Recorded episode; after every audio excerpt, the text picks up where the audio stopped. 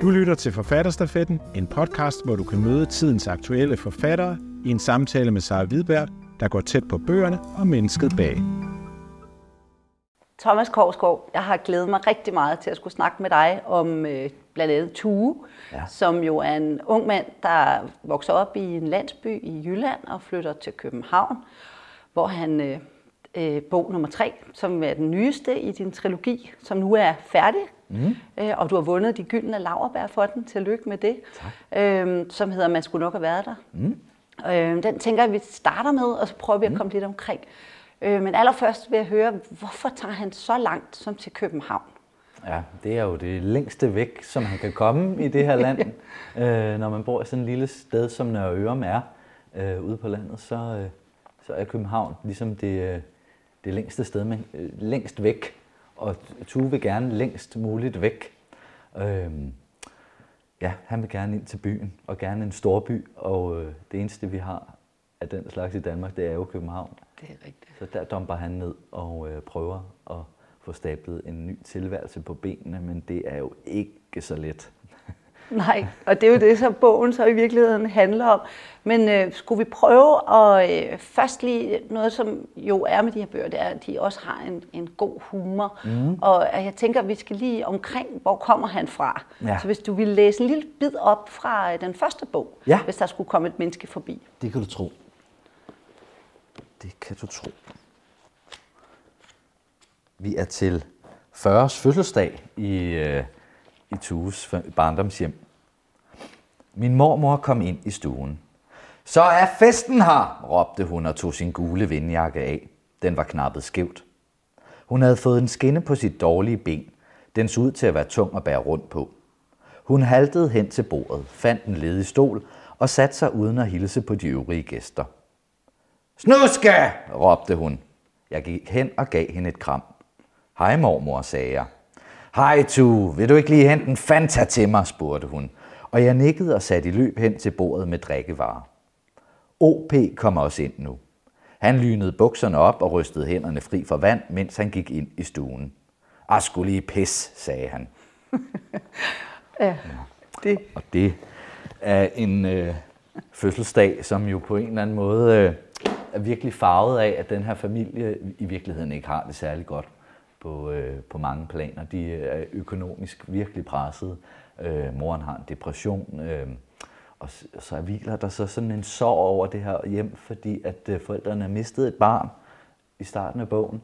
Øh, så i virkeligheden er sådan, ja, det festlige er ligesom farvet af den her underliggende sorg. Øh, ja. Det må man sige. Men alligevel så, øh, du bruger humoren. Hvordan er det, du altså, det er jo meget trøstesløst i virkeligheden, hvis ja. man fortæller plottet i bogen. Ja. Men, men alligevel sidder man med et stort grin på, når man læser mange af episoderne. Det er jeg glad for, at du siger. Det er jo ikke noget, jeg sådan øh, aktivt vælger. vælger altså, nu vil jeg skrive noget sjovt. Det, det kan jeg håbe på, det bliver, men... Øh, men øh, jeg tror, mit livssyn er nok, at folk er lidt komiske, og øh, også mig selv for den sags skyld. Øh, vi går og siger så mange mærkelige ting, og øh, prøver vores bedste, og i de bestræbelser på at prøve gøre det bedste, der går det nogle gange galt, eller bliver lidt kajtet, eller akavet, eller pinligt, og, og, og det synes jeg er rimelig sjovt en gang imellem.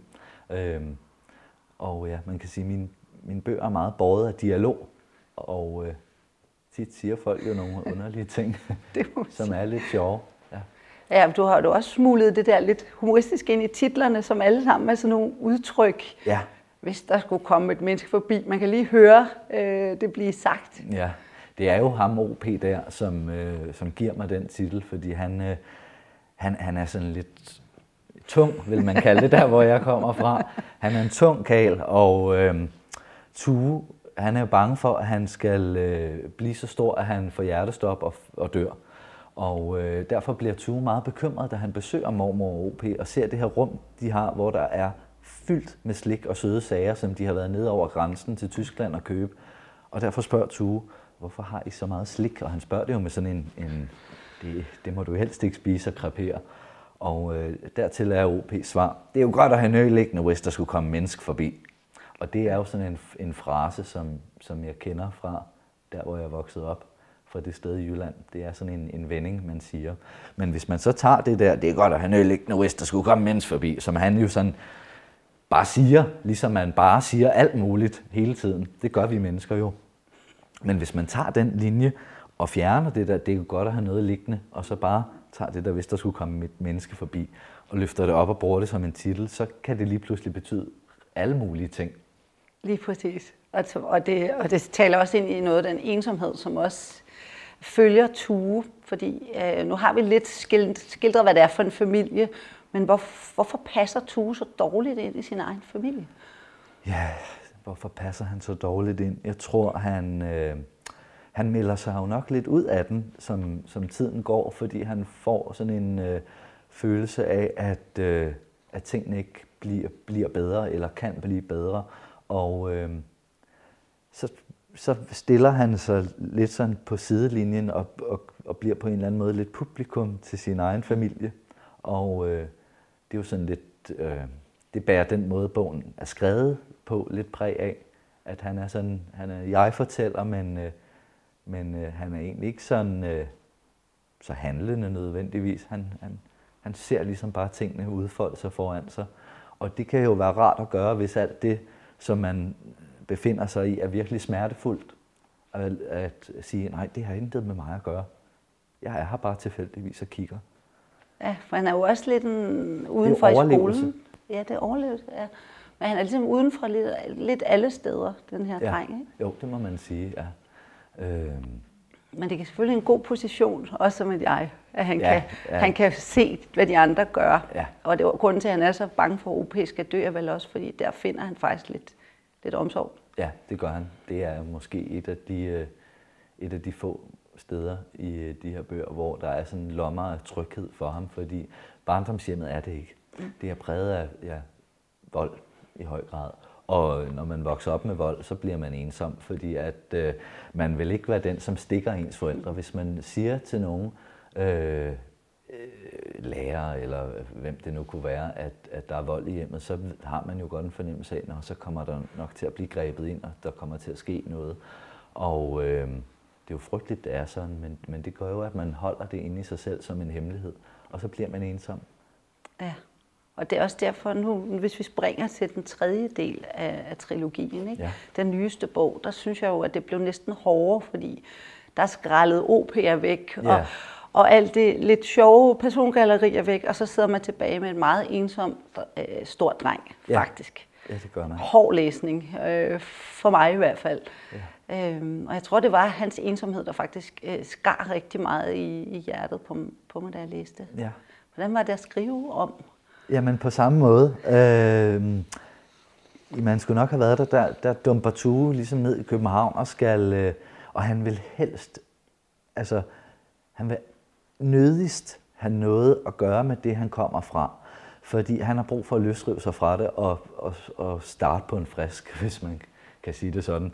Og, øh, og derfor bliver han jo meget ensom. Han har heller ikke særlig mange penge.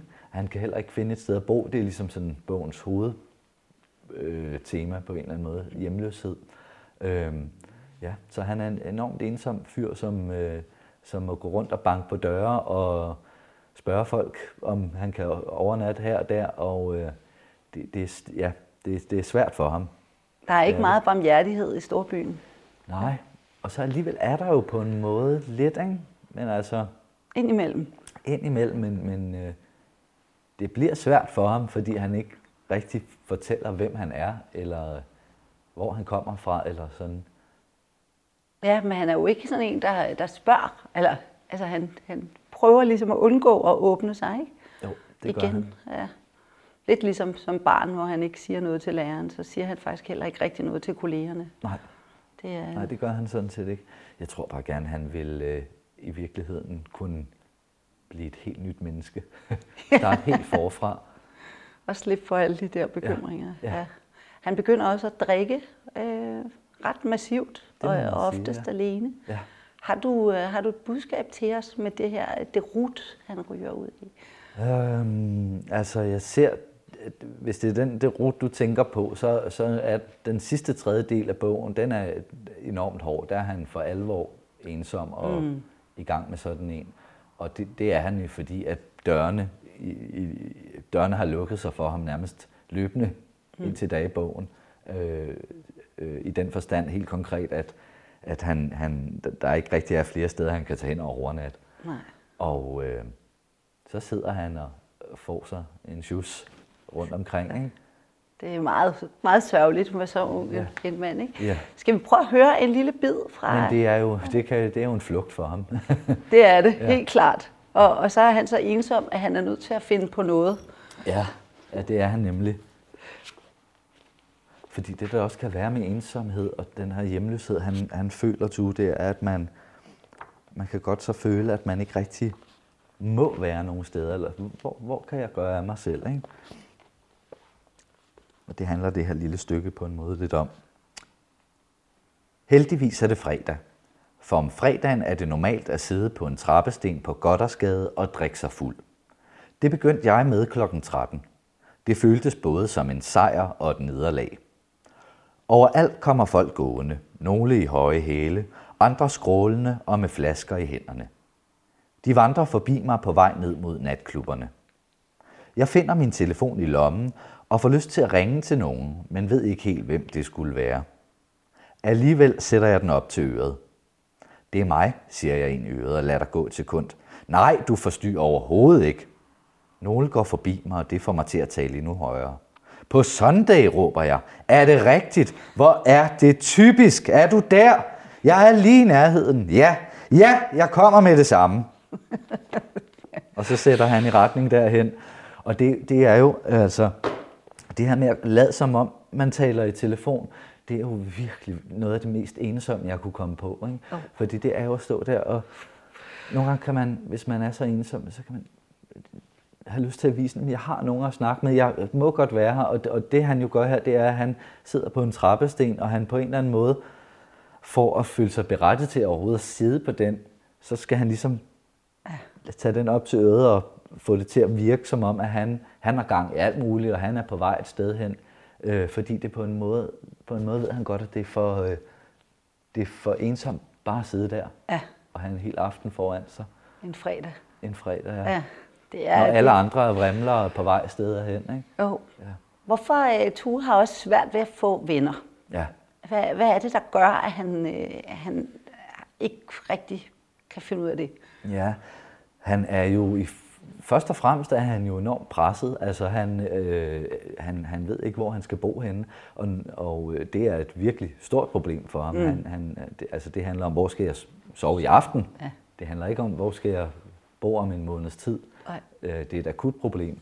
Og når man har et så akut problem, så, øh, så tænker jeg ikke, at det er så lige til at, øh, at, at, at finde det overskud, som gør, at man kan møde nye mennesker. Så handler alt om, hvor kan jeg, op, hvor kan jeg bo henne? Ikke? Jo.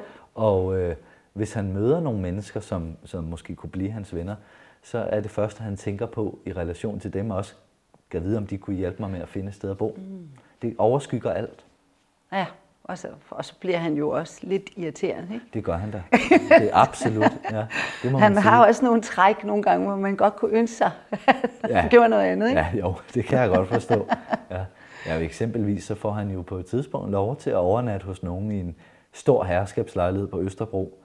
Øhm, Merete og Victoria hedder de. Merete, hun er arkitekt og sådan højt på strå i den såkaldte kulturelle elite, mm. eller hvad man nu skal kalde det, luftlag, hun befinder sig i. Og Victoria er så datteren, som øh, han møder på politikken, hvor han arbejder som avissælger. Står og siger, dagens avis på gaden. Ikke? Og øh, derfor har han lov til at være et par dage på sofaen men han ender med at blive hængende i rimelig lang tid, fordi han har jo ikke lyst til at skulle ud og leve det der hjemløse liv igen. Så øh, han, øh, han tager for sig den gæstfrihed, må man sige, og det, øh, det går rimelig vidt. Ja. Men det er jo det, der er så dejligt ved at skrive. Det er at skrive fiktion, det er, at man kan lade ens hovedpersoner gå lidt længere, og så forhåbentlig i det kunne sige et eller andet øh, sandt om, hvordan mennesker og livet er. Og øh, i det forløb, der prøver jeg så at få sagt nogle ting om, hvor store klasseskæld der egentlig er i Danmark, og hvor stor forskel der egentlig kan være på øh, at have et udgangspunkt, som er et lille landsted i Jylland og Østerbro i København. forskellen er virkelig store. Ja, og en forælder, der er opbakkende og hjælper en videre, og nogen, der slet ja. ikke er det. Ikke? Ja, som, lige som lige præcis Victoria og Tue er jo meget forskellige på det punkt også. Det må man sige, ja. Øhm, det er jo et hjem fuld af overskud på alle planer, og øh, omsorg og øh, opmærksomhed og øh, orden i økonomien og, og den slags. Ja. Øhm, det, det kender Tue slet ikke til. Og derfor går det så galt. Altså allerede den første aften, hvor de sidder og spiser middag, der skal de have rigatoni, og det finder Tue hurtigt ud af, det er åbenbart bare pasta. og øh, her skal man tænke på, når man læser det, at han har jo ikke fået særlig meget at spise indtil da, så han er hundesulten. Og øh, da de så spist, øh, hvad der nu er sat på bordet, så spørger Merete, som man jo gør, øh, Nå, det smagte godt, øh, skal jeg lave noget mere? Og så siger Tue, jo tak, det må du da gerne. Og det skal han jo bare ikke gøre. Det ved vi jo godt som læser.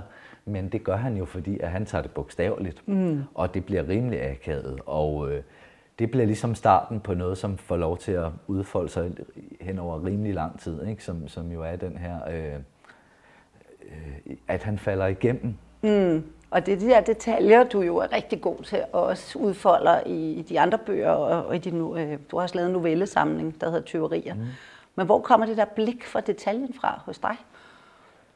Ja, det er da egentlig et godt spørgsmål. Det, det, det, jeg, ja, hvor det kommer fra, mm.